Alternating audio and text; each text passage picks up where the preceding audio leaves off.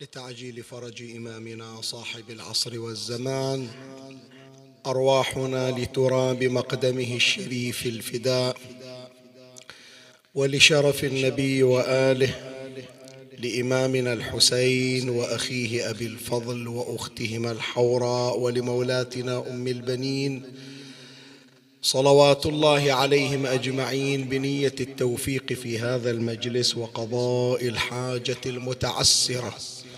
وشفاء المرضى سيما لمن سألونا لأجلهم الدعاء. ولروح والدي وموتاي وموتاكم ولمن مات على الإيمان. للمنسيين من شيعة آل محمد ومن لا يذكره ذاكر ولا يترحم عليه مترحم. ولاستضافه أرواح أهل البيت عليهم السلام في مجلسنا هذا لنورانيته والتوفيق فيه. رحم الله من قرأ للجميع سورة الفاتحة. يا حي يا قيوم بسم الله الرحمن الرحيم. الحمد لله رب العالمين. الرحمن الرحيم. مالك يوم الدين. إياك نعبد وإياك نستعين. اهدنا الصراط المستقيم. صراط الذين أنعمت عليهم غير المغضوب عليهم ولا الضالين. الحمد لله رب العالمين. بسم الله الرحمن الرحيم. قل هو الله أحد الله الصمد لم يلد ولم يولد ولم يكن له كفوا أحد. اللهم عجل لوليك الفرج والنصر والعافية. وانصره نصرا عزيزا وافتح له فتحا يسيرا وهب له من لدنك سلطانا نصيرا. رب اشرح لي صدري ويسر لي أمري واحلل عقدة من لساني يفقه قولي. يا كاشف الكرب عن وجه أخيه الحسين. اكشف كربي بجاه أخيك الحسين نادي عليا مظهر العجائب تجده عونا. لك في النوائب كل هم وغم سينجلي بولايتك يا علي. يا علي يا علي يا أبا الغوث أغثني. يا فارس الحجاز أدركني بلطفك الخفي ولا تهلكني. يا مولاتي يا فاطمة بنت محمد صلى الله عليك يا سيدي ويا مولاي يا رسول الله. صلى الله عليك وعلى آلك الطاهرين.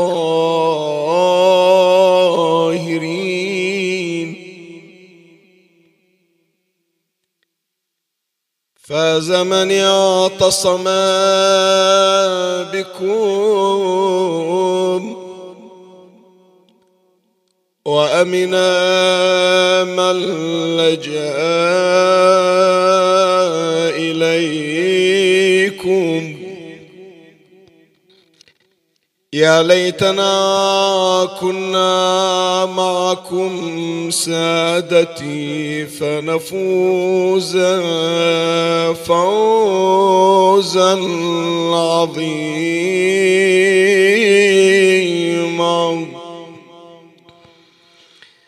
يا غريب يا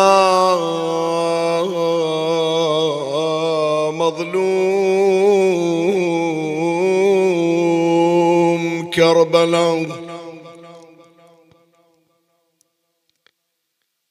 مروا بهن على القتلى مطرحة ما بين ملجدل في جنب مصطلم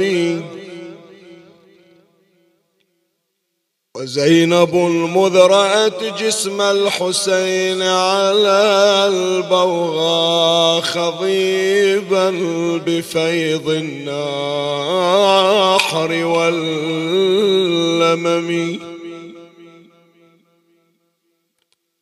عار اللباس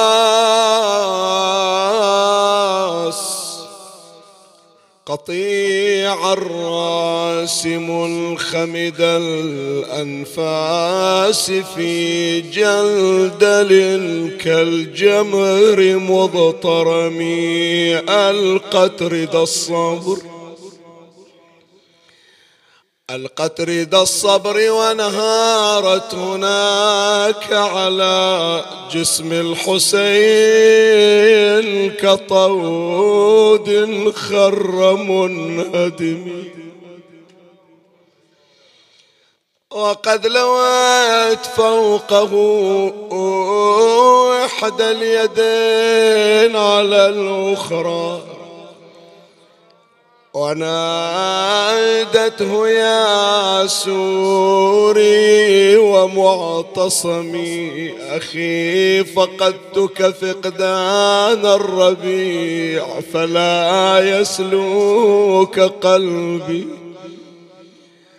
ولا يقلون عنك ثمي وأنا لا والد لي. ولا عم نلوذ به ولا أخ لي بقي أرجوه ذو رحمي أخي ذبيح ورحلي قد أبيح وبي ضاق الفسيح وأطفالي. بغير حمي وحرق الخيم يا حسين. ما خلى لنا وحريمكم ذواب قلبها فقد الرجل حسين ما عندي جلاد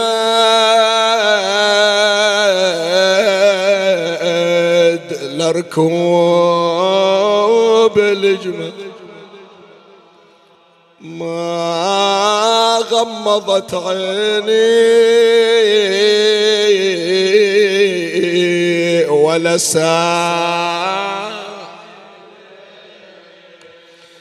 محمل سكين لود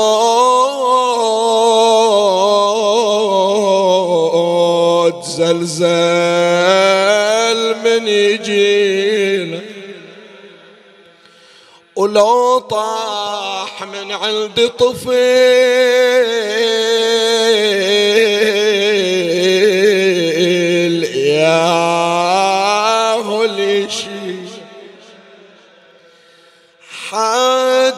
الضعن ترويعنا.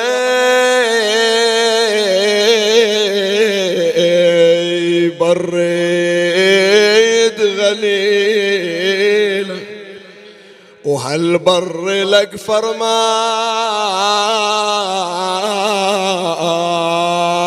قطع الرجاج أبو علي يردون الانسافر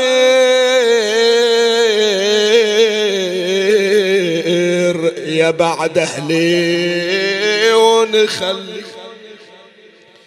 يا ريت من قبل السفار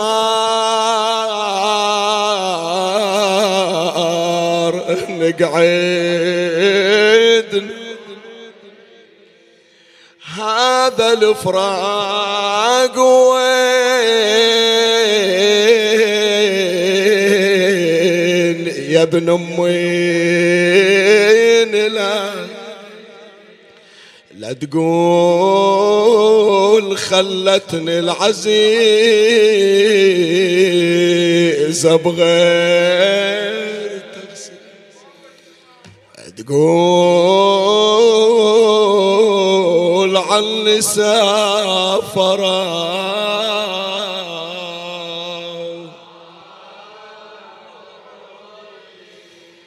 وراحوا خواتي وللقبور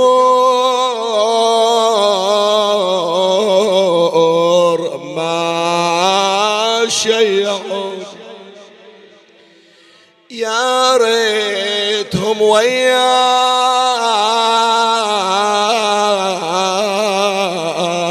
بالبار يتركون ولا روح حسرة ميسرة فوق المحاسن ويل ردي الخيمة قالت الخيمة الخيمة احرقوه بار الحرام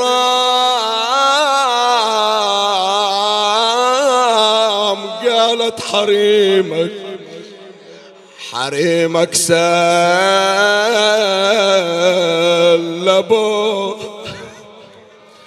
سلي سكينة قالت سكينة. سكينة اضربوه برضاك هذا قال ذا غصب علي. إنا لله وإنا إليه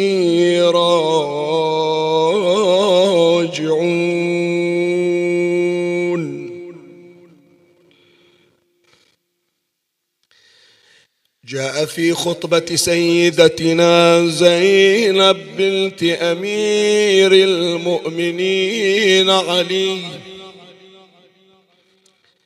صلوات الله وسلامه عليهما.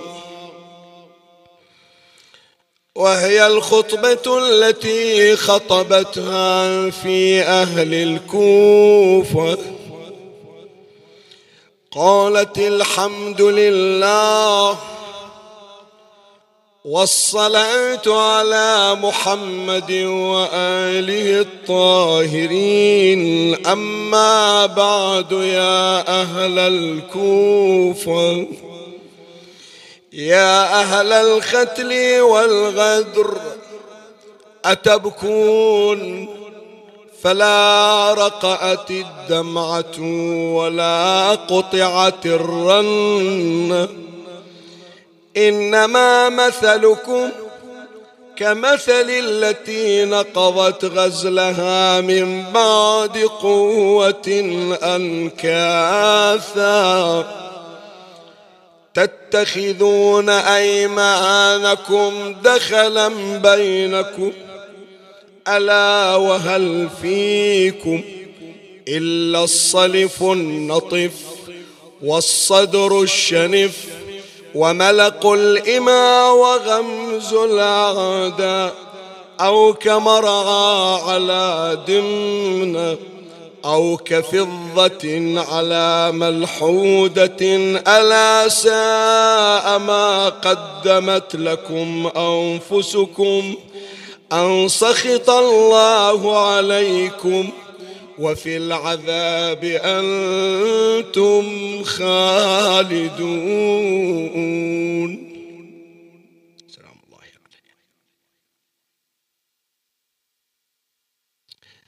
واقعا مولاتنا الحوراء عليه السلام في هذه الخطبة خصوصا مع مراعاة ظرف الزمان وظرف المكان والظرف العام. فكر جيدا في هذه الظروف المحيطة بالسيدة الحوراء لتجد أنها ظروف غير مؤاتية لأبرع خطيب أن ينطق بسطر واحد بل بكلمة. فهي لا زالت حديثة عهد بمقتل أخيها الحسين. هذا الكلام مثل باكر يعني بعده فاتحة الحسين ما انكسرت. وكيف لجرح الحسين أن يندمل؟ ثم ظرف المكان في موضع إن ملئ بالحاقدين المتصيدين الذين لا يمتلكون أدنى ذرة من الرقة على أهل البيت والظرف العام ظرف السابي وظرف الضرب. يعني كان هناك عملية مراقبة مو تتصور أنه والله صعدوا على النياق إلى أن يوصلونهم إلى نقطة النهاية. لا. يعني البعض يتصور صلوا على محمد وآل محمد. سووا مكان للشيخ.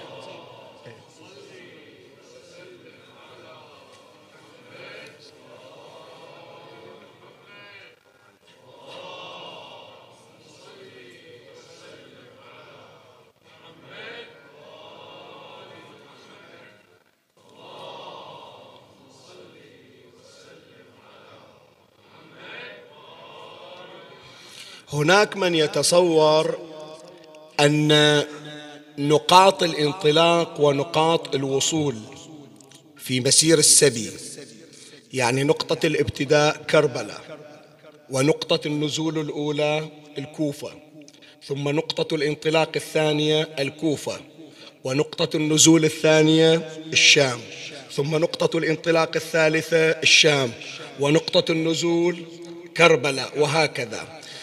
الناس تتصور أن الطريق المتخلل هذا فيه لحظات استراحة.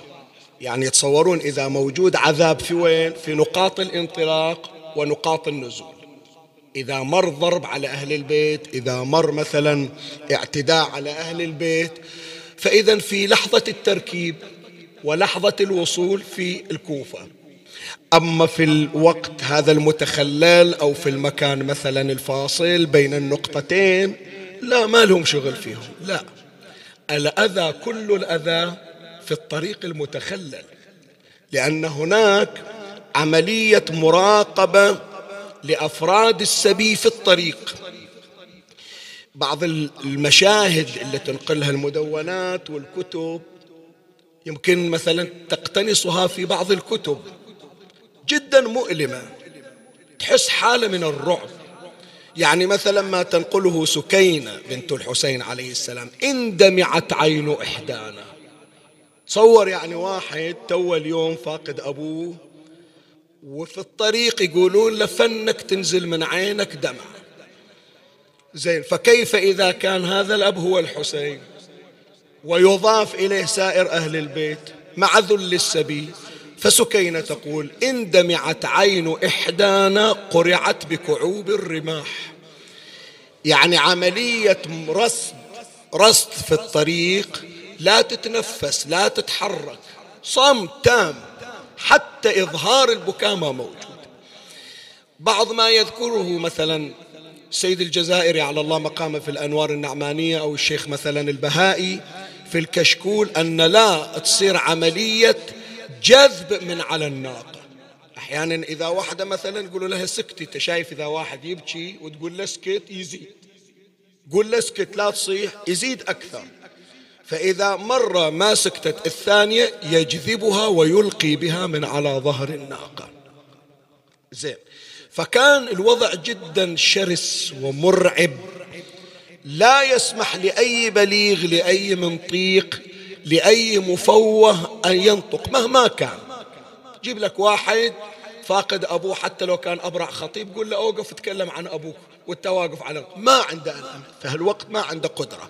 مع ذلك مولاتنا الحوراء زينب عليها السلام في هذه الظروف ظرف الزمان ظرف المكان الظرف العام أفرغت عن لسان أبيها أمير المؤمنين عليه. لا يختلف. تقرأ هذه الخطبة كأن عليا ولكن بنغمة نسوية بنغمة أنثوية وهي ابنة أبيها. والغريب هذه الكلمة مو استعراض يعني عادة الخطيب أو المتكلم يتنطع في انتقاء الكلمات يتنمق في اختيار المفردات يحاول أن لا يصدر منه الشطط والزلل. بينما الحوراء زينب عليه السلام ما كان ما كان غرضها أنها تتباهى بمفرداتها وبسبك الكلام. مع العلم بأن هذا الكلام الذي كما يطلق عليه أنه نفثة مصدور كان يثير استغراب حتى الخصوم. عبيد الله ابن زياد في مجلسهم سمع كلمات والكلمات توبيخ في حقه. قال إنها سجاعة ولقد كان أبوها سجاعا. هي تقول لا أنا وين؟ وأنت وين؟ ما للمرأة وللسجاعة وحتى لو أنا شغلي الأدب أنا الآن في ظرف ظرف السبي وظرف ظرف الاعتقال وظرف الفقدان لمثل الحسين. حتى لو أنا أمتهن السجاعة والأدب هذا وقته الآن. من فرط ما أبهرت الحوراء زينب عليها السلام العقول بسبك كلامها. لكن مع ذلك غرض مولاتنا لم يكن هذا كله. وإنما كان غرض السيده عليها السلام أن تقوم بعملية تشريح معقده على من سواها. هذا التشريح ليس تشريحا جسمانيا وإنما هو تشريح اجتماعي. تتصور الآن إذا عملية تجرى لعضو والعضو حساس وإما الموت أو الحياة. يؤتى بأبرع الخبراء وتطول عادة عملية تشريح الأعضاء تطول. الآن زينب عليه السلام لم تقم بتشريح عضو جسماني وإنما تشريح المجتمع الكوفي. على أن هذه العملية صعبة على من هو سواها إلا أنها أبسط ما يكون في يد بنت علي زينب بنت أمير المؤمنين. فلهذا قامت في هذه الكلمات بعرض مسببات شقاء المجتمع الكوفي. قضية مو قضية قتل الحسين يا جماعة وانتهت. القضية فكر في أبعاد القضية. كيف أقدم هؤلاء على جريمة بحجم قتل الحسين عليه السلام؟ الآن هدم الكعبة والمستجار بالله. مو قضية أنه الكعبة انهدمت. حجر طاح يتركب مكانه حجر. لكن الذي يتجرأ على هدم الكعبة ماذا سيصنع أكثر؟ هذا اللي عنده جرأة أنه يهدم الكعبة. أو كما صنع بعض الخلفاء في الدولة الأموية كان يشرب الخمر على سطح الكعبة. زين هذا إذا وصل إلى هالدرجة من الجرأة إيش بيسوي أكثر؟ وهل هناك جريمة عرفها عرفتها البشرية وعرفها التاريخ بحجم قتل الحسين عليه السلام؟ فاللي عنده السبب السبب في أن يقتل حسينا ماذا سيصنع بعد قتل الحسين؟ فهنا جاءت مولاتي صلوات الله عليها وقامت بعرض المسببات والقضية مو قضية تصيد واقتناص أخطاء الآخرين لأنه في غير هذا المجلس الشريف في المجالس الأخرى. أنا أشرت أنه من الأخطاء الشائعة. أكو ناس غرضهم ولذتهم والنشوة التي ينتشون بها شنو؟ من يتصيد أخطاء على الآخرين. شوف يصير عندك مؤسسة تصير عندك مأتم يصير عندك مشروع ديني يصير عندك مشروع قروي. لا يوجد شيء يا إخواني خالي من الأخطاء. أزيد من الحاج وتصير سرقات في الطواف. تصير لو ما تصير. تبطل الناس من الحج لأنه صدر خطأ. أنا لا أنظر فقط إلى الخطأ بما هو خطأ. ومو يصير فقط حرصي أن أتصيد بغرض الإحباط والتحبيط. لا وإنما أفتش عن الظاهرة. ولهذا البعض قالوا زين شلون إحنا نعالج الأمور؟ فرق بين شخص يتصيد أخطاء الآخرين وبين شخص يرصد ظواهر اجتماعية بغرض أن يقي المجتمع من الوقوع من في الضرر السيدة الحوراء عليه السلام ما وجهت خطابا إلى فرد بعينه. لا هي أجل وأسمى من ذلك. وإنما تقول هذه ظواهر عندكم. هذه مسببات موجودة الآن أنتم ماخذين من هالأخطاء قضية ابتدت بواحد واثنين إلى أن تفشت العدوى وأصبحت جائحة عندكم. وهذه الجائحة أسفرت عن عن أغرب جريمة وأبشع جريمة وأخطر جريمة لم يقم بها حتى بنو إسرائيل. وأي شيء بعد ذبح الحسين عليه السلام. فالخوف أنه باكر تتكرر مأساة الطف. فلهذا قامت بعرض مجموعة من سلبيات المجتمع الكوفي. وهذا ما سوف نستعرضه مدعما بالشواهد في هذا البحث هذه الليلة. والبحث اللاحق الذي سيكون في المجلس التالي. حتى ما نصير إحنا سوداويين. لا. هذا المجلس خاص بعرض سلبيات المجتمع الكوفي. في المجلس الثاني نتكلم عن إيجابيات المجتمع الكوفي. لأنه في الأعم الأغلب من قدح في الأذهان شنو؟ أحسنت. أن أهل الكوفة هم مثال سيء. حتى ضرب بهم المثل فيقال أغدر من كوفي. بس موجود ترى في المجتمع الكوفي مميزات مي موجودة في غيره. هذه إن شاء الله نناقشها في المجلس القادم. في هذا المجلس أستعرض معك مجموعة من هذه السلبيات.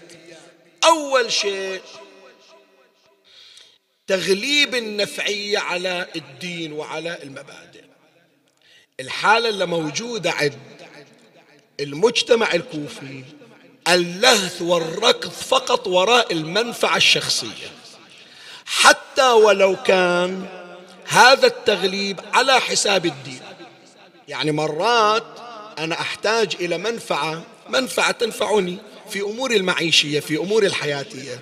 لكن هذه المنفعة لا تتعارض مع العقيدة لا تتعارض مع الدين. ماكو فيها شيء ماكو فيها بأس. الكلام وين؟ الكلام أنه واحد يقول ما يخالف خلي أسحق الدين بالنعال. لكن أهم شيء جيبي يكون يمتلي. ولو بمقدار شيء يسير ولو بمقدار شيء يسير. تاليها القضية يا إخواني مو والله أقوم أسوي عملية مفاضلة. مرات أقول أنا أصلي لو أروح أكسب لي عشرة دنانير في وقفتي أقول لا الصلاة لاحق عليها العشرة دنانير ما بحصلها وإن كانت المقايسة خاطئة. بس مرات يا إخواني المردود لا يذكر. المردود حط بالك المردود لا يذكر والجريمة نكرة. شلون هذا؟ هذا يصير هوس عندهم في هالجانب. روح شوف أنت الآن الإرهابيين الموجودين في العراق. من تسمع أنه سوى عملية إرهابية. مرات واحد افرض هو معدم ويقولون له راح نجيب لك ثروة مليار دولار بس بشرط أنه أنت تفجر حسينية. يجي إلى أن يغلب عليه الشيطان يقول مو قحط حسينية بدالها حسينية. وأقصى ما راح يصير إيش راح يصير؟ الحسينية بتنبني من جديد. وما أفجرها في وقت اكتظاظ الناس. أجيهم في نص الليل وأحصل مبلغ ينفعني. يغلب الشيطان بهالمستوى. لكن قبل سنوات بالله عليك واحد يوقف له سيارة يقتل الأبو والأطفال شايف؟ والعائلة كلها رايحة للزيارة اللي يحقق وياه يقول له زين كم عطوك أنت على هالجريمة اللي سويتها قاتل الأبو والأولاد والجد في السيارة كلهم هم رايحين للزيارة كم عطوك؟ قال خمسين دولار. خمسين دولار كم يعني؟ عشرين دينار؟ انزين. قالوا له زين ما يخالف انت متضايق بالخمسين دولار؟ حتى تقتل لك جماعة. شو اشتريت بالخمسين دولار؟ قال ربعي عندهم مسجلة وأنا ما عندي مسجلة. ذبحتهم ورحت اشتريت مسجل. هذا شو تسميها؟ شرفك يعني حطها بس في بالك. شو تسميها هذا؟ هذه الحالة يا إخواني صارت موجودة عند أهل الكوفة في ذلك الزمن. قضية مو أنه تضايق وقال ما عندي متنفس إلا قتل الحسين لا. صار الطابع العام اربح في جيبك ولو قتلت ألف حسين. أعيد الكلمة؟ خلي جيبك ينترس. شنو حسين؟ حسين بدال حسين. ولو ما الدنيا ما فيها حسين مو قحط. ولهذا نرى أن الظاهرة العامة صارت في مجتمع الكوفة تغليب المنفعة الشخصية. كم شاهد عندنا في هالجانب؟ تعال أنت عدد. ومن أغرب ما مر قضية قتل ولدي مسلم ابن عقيل. هذه انت تدرسها لا تأخذ بس الجانب العاطفي فيها. يقولون إلى زين ليش بتقتل؟ نحن أطفال شو بنسوي لك؟ قال طمعا في جائزة الأمير عبيد الله بن زياد. قال زين امض بنا إلى السوق. وبعنا وانتفع بثمنه قال لا لا لا. الجائزة أثمن. ما يخالف. الجائزة بيعطونك إياها. الجائزة بيعطونك إياها. خذنا له حيين. وهي نفسها لا بتنقص ولا بتزيد. إحنا غير مطلوبين. ما قالوا لك لازم تجيبهم مقتولين. إيه فقال أخاف أن يأخذكم أحد غيري في الطريق. لا أوديكم وهي الغرض شنو؟ من أجيب الروس يعني نزعت الرحمة من قلبي وقد واليت آل أمية فلعلهم يزيدون في عطائي أكثر وأكثر. شوف البلاء شلون إلى أي, وصل إلى أي حد وصل. هي واحدة من السلبيات التي أسهمت وأفرزت عن قتل الإمام الحسين عليه السلام. أغرب شيء مر علي يا جماعة ما أقول لك هذه ثابت حط بالك. خاف تقول بأنه هذا من الثوابت التاريخية. لا. بس أنا أنا جايبها من باب الإثراء ليس إلا. يذكرها العلامة الشيخ باقر شريف القرشي رضوان الله على روحه الطاهرة في حياة الحسين. ويسند القضية إلى مصدر المصدر هذا مهم يعني اسمه مهم في عالم تدوين الحوادث التاريخية اسمه مرآة الزمان. إحنا ما نذكرها هذه القضية مي موجودة عندنا في كتبنا. بس هو الشيخ القرشي ذاكرنها يعني يقول عثر عليها جايبينها هالشكل استطرادا. وأنا وإن كان ما نتبناها لكن حتى على فرض أقول على فرض وجود القضية فعلا أكون نفس واحد. ما تستغرب النفس الكوفي في هالجانب في ذاك الوقت. يذكر الشيخ باقر شريف القرشي عن هذا المصدر يقول أنه لما جيء بالسبي إلى الكوفة ووضعوا في خربة بعضهم كان متعاطف ويا أهل البيت وصار الكلام حديث الساعة شلون إحنا نسمح؟ مروتنا وين؟ بنات رسول الله بنات علي بن أبي طالب هذول اللي كنا نصلي وراء أبوهم. الآن مسجونات. واحد من عندهم تطوع قال أنا لابد أن أقوم بعملية انتحارية. شلون؟ قال أنا إما أقتل أو أخلص إمامي زين العابدين. ما فينا واحد شوي يتحرك يصير عنده غيرة على الإمام خلنا إحنا ما نصرناهم في كربلاء ننصرهم في الكوفة. أنا أسوي عملية اقتحام حتى لو قتلت فداء لأهل البيت وأطلع الإمام زين العابدين وأنتم حاولوا تطلعون أهل البيت. أكرر يعني هذا نقل الشيخ باقر شيء مو في مقام التوثيق أنا للقضية. فالشيخ يذكر يقول بأن هذا الشخص الكوفي اقتحم السجن واختطف الإمام زين العابدين وطلع وجاب إلى البيت عند خلاه ضمه على أساس أنه يسوي طاقم وتصير انتفاضة ويتم القضاء على عبيد الله بن زياد وتخليص بنات رسول الله من السجن. ويجي كل يوم يقدم للإمام الطعام والشراب ويبكي بين يديه ويبكي لمصاب أبيه الحسين. من اختطف الإمام زين العابدين. راحوا إلى ابن زياد قالوا له يا أمير خطف ابن الحسين. من وين الحصلة الآن؟ شو نقول للأمير هناك؟ الحكومة بالشام شو نقول لهم؟ ابن زياد قال لا عليكم. باكر نزلوا قرار أن الذي يأتي بعلي بن الحسين له ثلاثمائة درهم. ولا عليكم أنتم. ولا تطلعون جندي واحد بعد. نفس هذا اللي خطف الإمام. جاء يحمل الحاب قال له أنت غالي لكن الثلاثمائة درهم أغلى. فوضع الحبل في رقبة الإمام وأخذه إليه.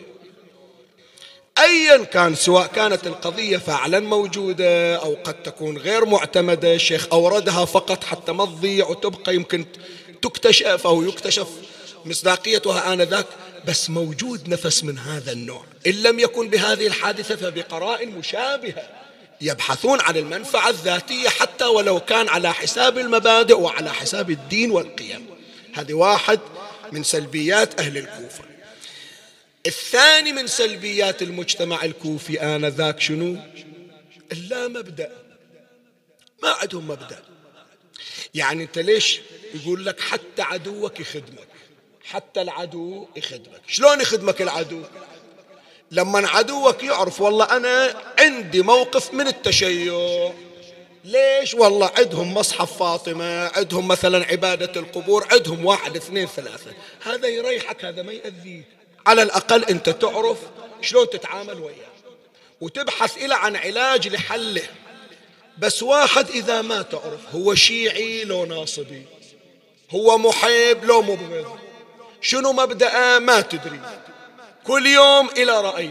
هذا تتعامل وياه بأي طريقة. زين هم ذولا أهل الكوفة. هل أنهم يبغضون أهل البيت؟ هل أنهم يحبون أهل البيت؟ ما تدري.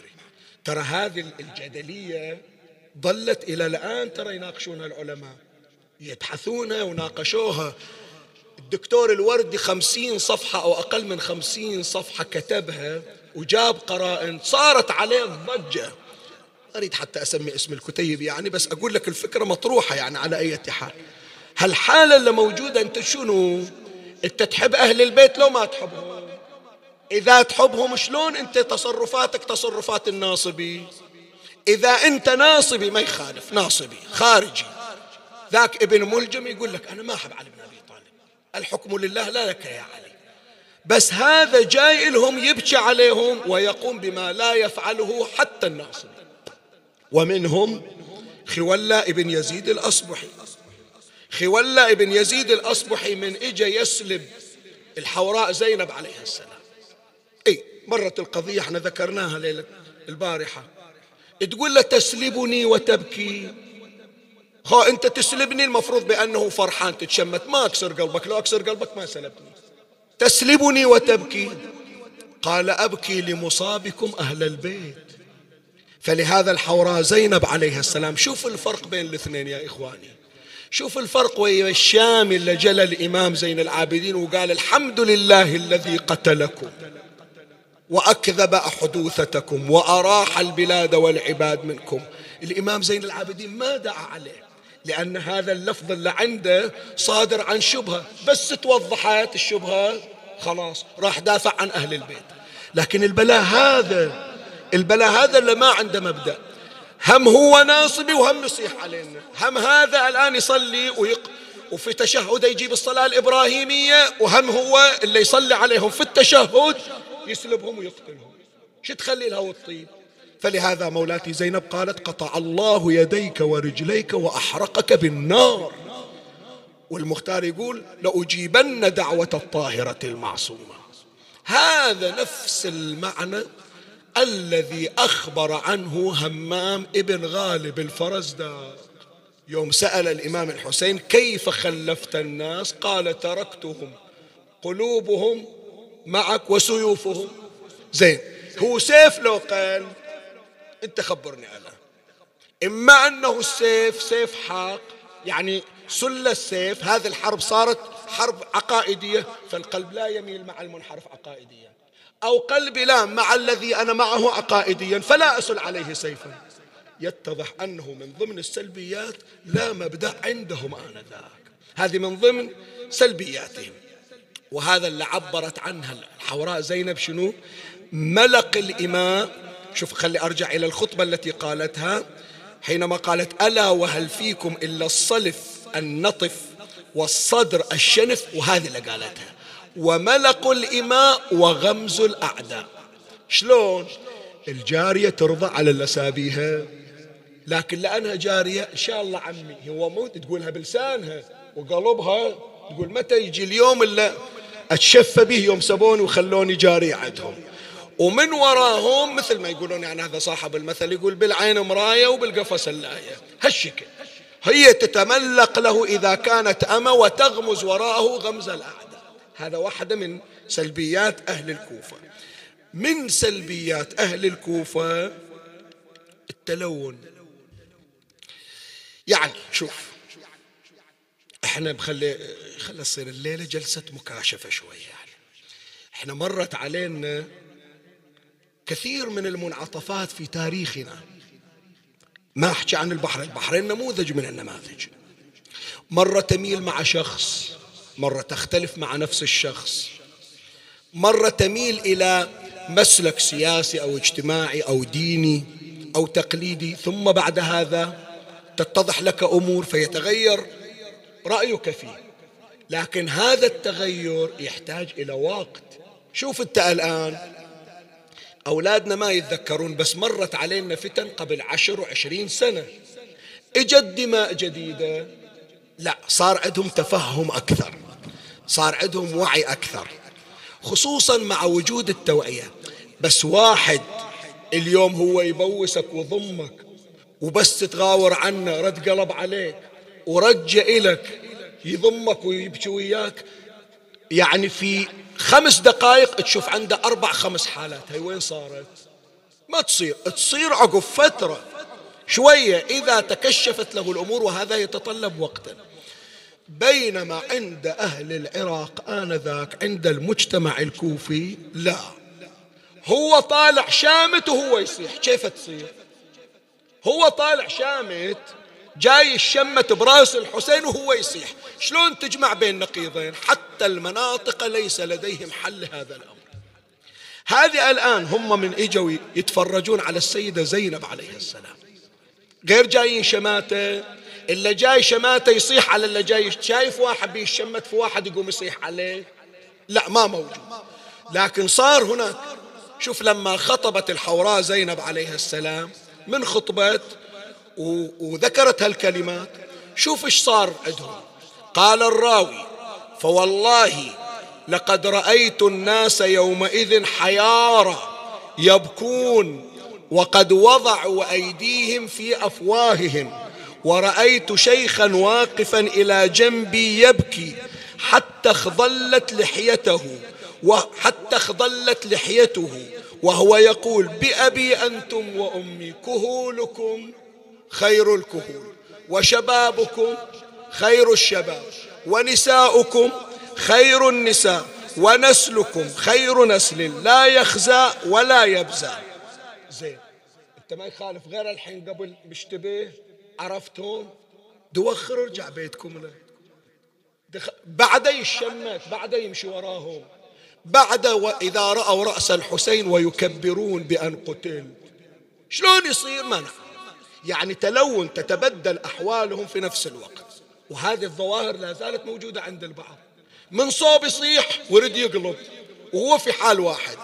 ولهذا الإمام زين العابدين عليه السلام شاف حالة التلون الموجودة عندهم. فقال كلمته الغريبة قال إن هؤلاء يبكون علينا فمن قتلنا؟ جاي الناس من تل أبيب قاتليننا وراجعين يعني. وإذا نازلين ناس من المريخ قتلوا أبويا ومشاو زين أنتم اللي قاتلينا والآن حاطين فواتح. شنو القضية هذه من ضمن الحالات الموجودة السلبية في المجتمع الكوفي. بعد من الحالات السلبية والعياذ بالله أسأل الله أن لا يبتلينا يا إخواني. إحنا من نذكر هذه القضايا مو من باب التندر والتلطف ولا هي ألف ليلة وليلة قاعدين نحشي حتى نخلص هالكم ليلة لا. وحتى من تذكر أنت المجتمع الكوفي لا تجيبه من باب تشفي. لا. احذر أن يكون مجتمعك مبتلا بما ابتليت به جماعات الكوفة. وإذا رصدت بداية الظاهرة سارع في تصحيحها وإلا نستنسخ تصير copy إلى ذاك المجتمع. ويأتي وتأتينا جريمة مشابهة وإن كانت جريمة قتل الحسين لا يوم كيومك. يا أبا عبد الله بس ما نريد تصير نفس الظواهر. هي تنشأ بذرة ثم البذرة تنمو وتكبر. شوف واحدة من السلبيات اللي موجودة عندهم في المجتمع الكوفي. تدري شنو؟ قلة الرادع الديني. ما يخالف. أكو ناس خصوم لكن عندهم في شيء اسمه الله ومحمد وقرآن شوف الحوادث اللي إحنا نقراها وتمر علينا في محرم. أما فكرت وين دينهم ذولا؟ هذولا إذا وقفوا يصلون شو يقرون في الصلاة؟ يعني مثلا شوف واحدة من صور قلة الرادع الديني التفرج على بنات رسول الله صلى الله عليه وآله. يعني ما يخالف قالوا لك خوارج. اليوم لو قالوا لك حتى افرض نساء غير مسلمات حتى لو كنا نساء مجرمات. هل تصنع ما يحرم في شخص لا ربط له بالدين حتى لو كان مو من دينك؟ انت تقول أنا بالعكس أنا ربيب المآتم ربيب المساجد ربيب القرآن. هذا لا يتناغم والمعتقد والالتزام الديني. هم بس إجوا قالوا لهم خوارج اليوم جاي. صار نثير عام الكل يريد يشوف هالمرة اللي ما عليها ساتر شلون وضعها. مو واحد واثنين. نعم. ذكر التاريخ يقولون وحدة أشرفت من دارها. قالت من أي النساء أنتم؟ فقلنا لها من نساء مدينة النبي كسر خاطرها. فجمعت لهن مقانع وخمر. ونزلت قالت هذا. وزعوهم على هالبنات الصغار اللي كل واحدة مسلوبة. هذا الموقف. وإلا فإنهن يتفرجن عليهن وصرن يوزعن عليهن التمر والجوز كصدقات. زين هي واحدة خليها على صوب. شوف شاهد ثاني. ما يخالف. انت اليوم كم إحنا سمعنا خل عند غير البلدان الإسلامية. بلدان غير إسلامية. يجي شخص ارتكب أفظع جريمة في البلد وينفذ عليه حكم الإعدام. عقب الأعدام وين يودونه؟ خلاص. يجي يجي فرقة من نفس الجهاز الامن ياخذونه ما يراون أحد يوارونه بسرعة. تمام لو لا أسمعت عن جسد يسحل في الشوارع مربوطا بحبل. هذا مسلم ابن عقيل وهاني ابن عروة وعبد الله ابن يقطر وقيس ابن مصهر السيداوي وحنظل الهمداني اللي أخذت الغيرة أنا ما أقول بشر حشى السامعين والمكان وحشى ساداتي. أنا أقول بهيمة. أنت لو اليوم تشوف طفل لازم له بهيمة جيفة بهيمة ويسحبها في الشوارع. هذا إحنا نشوفه الآن. الناس تشوف حيوان يسدم في الطريق ينزلون يوخرون على حد يدوسه. تدري شو يسوون بجسد مسلم ابن عقيل؟ أنت لبالك بس هو السحب بالحبل. لا. هذا السحب مجرد آلة القضية مو سحلة لا. يسحبون من حي إلى حي. اسمع إيش أقول لك حط بالك. يسحبون جسد مسلم وهاني من حي إلى حي. كل حي يدخلونه أهل الحي يطلعون بالعصي فيغرسون العصي في حلقه في ثغرة نحره ويرضخونه بالحجارة ويردون يودون فريق ثاني حي ثاني. حتى كل فرقة كل عشيرة كل قبيلة تشارك في عملية التمثيل بجسده بجسديهما. وتالي الدفن تدري في وينه وين الدفن؟ ثلاثة أيام ملقى في قمامات الكوفة في الزبالة هذا مسلم وهاني الصحابة اللي يجون يحجون يقولون أنتم ضد الصحابة. إحنا نحيي ذكر الصحابة. هذا خمسة من أصحاب رسول الله صلى الله عليه وآله من شهداء الطف. وإحنا جايين نحيي ونأبنهم. شوف أي رادع ديني هذا اللي عند والغريب يا إخواني ما يخالف إذا ويانا بعض أحبتنا من أهل العراق يسمعون لا يصير بخاطرهم بس إحنا جايين نعالج مشكلة. أنت هب عندك واحد مخطئ هب عندك واحد مخطئ شنو جريمته؟ لا يبرد قلبك حتى يعلق. إلى الآن هذا الكلام. تسحبه في الشوارع وتعلقه في في ضوء الإنارة. شنو والله مجرم ما يخالف؟ اقتص منه بأقصى عقوبة. لكن خلك حسيني المشكلة لو واحد يسويها داعشي ما يلتفتون إليه يلتفتون إلينا إحنا إذا صدرت من عندنا هذه الأخطاء. ولهذا يا إخواني لا مجال للعواطف إذا كانت هذه العاطفة تشوه صورة المذهب. هي واحدة من السلبيات قلة الرادع الديني. أما السلبية الأخيرة التي تذكر موت الضمير والعياذ بالله. وهي أشد الأمور ضراوة. وهل تجد ضميرا ارتحرك حينما نظروا إلى حسين على التراب؟ زين قتلتونا خلاص كافي. هو بعد ضربة السهم المثلث هذه ما تخلي الحسين يقول. ما ظنك بسهم قد استخرج شيئا من قلب الحسين. ما يخالف تريدون تقتلونه؟ واحد يجي يقتله وانتهت القضية. بعد تنزعون ما عليه من ملابس تجردونه من ملابس وتسلبون ما عليه. ويقول إمامنا عليه السلام قتل جدي الحسين قتله. نهى جدي رسول الله أن تقتل بها الكلاب والخنازير. شلون؟ قال رضخا بالحجارة ضربا بالسيوف رشقا بالسهام. بعضهم يقول كانوا يسعرون النار في الحطب ويلقونه على الحسين. زين هذا يعني كل واحد يقول أنا أريد أسجل موقف يمكن أحصل إلى أثر هذا من أرجع وأقول أنا ضربت الحسين حتى ولو بعد عجز الحسين. اللي يجي يضرب الحسين اضرب ضربة وروح. لا ما يبرد قلبه. كسنان ابن أزنس طعن حسينا في بواني صدره ثم يجر السنان ويضربه مرة أخرى. زين ما يخالف. قتل حسين. وها هو الآن جث على الثرى. دخلوه. خلوه بعد ما لكم حاجة فيه. بعد تجون تحزون خنصر إيده ليش؟ كأن يدا من وراء الضريح. حمراء مبتورة الإصبع. تمد إلى عالم بالخنوع. وحسين هذه الليلة على واهدة الرمضة قد جردوه من ملابسه. وكان يعلم ما سيجري عليه. وقد قال فإني مسلوب يا زينب. ولهذا حسين عليه السلام استعان بسراويل مزقها. يعني لا يطمع فيها الطامع حتى اللي يريد يدن من نفسه ما يلتفت إلى هذه السراويل. ومع ذلك حاول البجدل أو حاول الجمال أن يقطع التكه التي تستر الحسين بتلك السراويل المفزرة. وكان حسين جسدا بلا راس فلما رأى ذلك الرجل يريد أن يحل تكة سراويل الحسين حرك حسين أبو الغيره يده وقبض على تكة سراويله. زين تخاف الله نص الليل وماكو أحد وجنازة وجسد بلا راس. وين ضميرك؟ وين وجدانك؟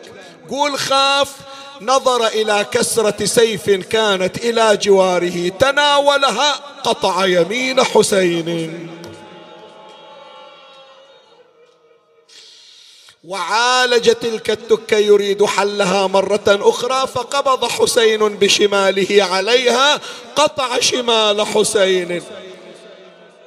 قال فبينما أنا كذلك إذ ارتجت الأرض ورأيت كتيبة من الملائكة والأنبياء ورأيت امرأة قد هبطت من السماء معها لمة من النساء وهي تنادي حبيبي حسين من قطع يمينك وثنى بشمالك؟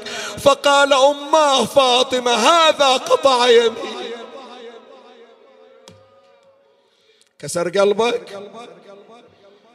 لبالك المصرع انتهى كسر قلبك؟ قول إيش حال الأخت اللي مرت عليه وشافته؟ إذا بهالمقدار أنت تسمع ما تتحمل مع تعبك وعنائك ما تلزم نفسك. الأخت الحنونة اللي تمر على أخوها المدلل اللي تشوف شلون أمها ترقصة أنت شبيه بأبي لست شبيها بعلي. كل يوم من يبكي أخوها تسمع جدها النبي واقف على الباب فاطمة سكتيه أما علمت أن بكاءه يؤذيني؟ أخ حنون ما صار بالإخوان مثله حتى ليلة زفافه يمر عليها ما يخليها. والآن زينب تغادره وهو مقلوب على وجهه. صحت يا ابن أم لو خيروني بين المقام عندك أو الرحلة عنك لاخترت المقام. ولو أن السباع تأكل من لحمي وتشرب من دمي أنا ماشية بالرغم مني. لا بالرضا. أخي حسين لقد كللت من الدفاع عن حريمك وعيالك. وهذا متني قد اسود من الضرب. أحجاب صوني. في أمان الله عد عز علي مسرانا وجسمك مودع وعريان جسمك بالثرى ومشيت عنه. ودل المطايا ولليتامى غدت حل وما تسمع لذاك المقيد غير وأن كل ما جذبها نحل جسمي ومزع حشا أبو علي هالسفر يا ابن أمي صعب والحادي أصعب. الحرمة ما تقدر لو وجعها الصوت تنحى وأما التي تنخب على الكرار تنسى. والدرب شبلاه بلا رايح. خلي أبين لك أبو علي صار على أختك زينب. لو طاحت الحرمة يا أخويا امتحن بيها. ما حد يركبها ولا يشفق عليها. ما غير حد يضعون بصوته. يجي والرمة تنهى وتنتخي ولا تشوف حمار ولا ويا الغرب والله صعب ممشى الغريب. القوم ما فيهم زكي وأمة. نجيبه البيت عليك ترى. وكل ما مشينا قالوا الكوفة قريبة والنوق يضربها الشمر لو قلت بهدى ولا تحيرت زينب في مشيتها. شايف انت الخوات إذا توفى أخوهم. الله يسلم الجميع تقول منو بيصلي عليه؟ منو اللي بيغسل بتجيبون؟ أي شيخ يصلي عليه؟ بتحفرون قبره أي صوب؟ دلونا مكان قبره؟ ياخذون التفاصيل. زين زينب عندها دفانة عندها واحد يشيل نعاش عندها أحد يصلي على جنازة عندها حفارة قبور. يطاوعها قلبها تخلي أخوها وتمشي عنه؟ لا. بن فايز يقول ابتكرت لها صورة. قالت أبو علي ما خلي غريب قامت عاد تحكي ويا كربلاء. حن بحرانية وأسألك الدعاء. يا كربلاء يا كربلاء جثة ولينا غسليها يا كربلاء لمي عظام وشفني اتقدمي يا كربلاء وصلي. ليكون تبقى جثتي ابن أمي أرمي. كلهم بلي روس وحزني عليهم. ما حد دل من الخلق صلي سمعني صوتك إلا طيور من السماء تظلل واجسادهم داست عليها العوجي أحجاب صوني في أمان علي مسرانا وجسمك مودع يا الله. اللهم صل على محمد وآل محمد أمن يجيب المضطر إذا دعاه ويكشف السوء. أمن يجيب المضطر إذا دعاه ويكشف السوء أمن يجيب المضطر إذا دعاه ويكشف السوء. يا الله اللهم اشف المرضى والأمراض. يا الله اللهم أصلح قلوبنا وما فسد منها. اللهم تفضل علينا بتوبة قبل الموت تنجينا من عذاب جهنم. اللهم ارزقنا رضا محمد وآل محمد فإن رضا قلوبهم رضاك يا الله. اللهم كما جمعتنا في مأتم الحسين شرفنا يوم القيامة واحشرنا في ظلال الحسين يا الله. اللهم ادفع عنا هذا البلاء والوباء وعوضنا عما ألم بنا بخير العوض. إنك سميع الدعاء قريب مجيب. من كان في مجلسي أو السامعين أو ممن أوصانا بالدعاء طالب حاجة اللهم اقض حاجته. وبلغه مراده وحقق أمله ترحم على أمواتنا وأموات الباذلين والمؤسسين وشيعة أمير المؤمنين. أوصل لهم ثواب هذا المجلس وبلغهم ثواب الفاتحة مع الصلوات.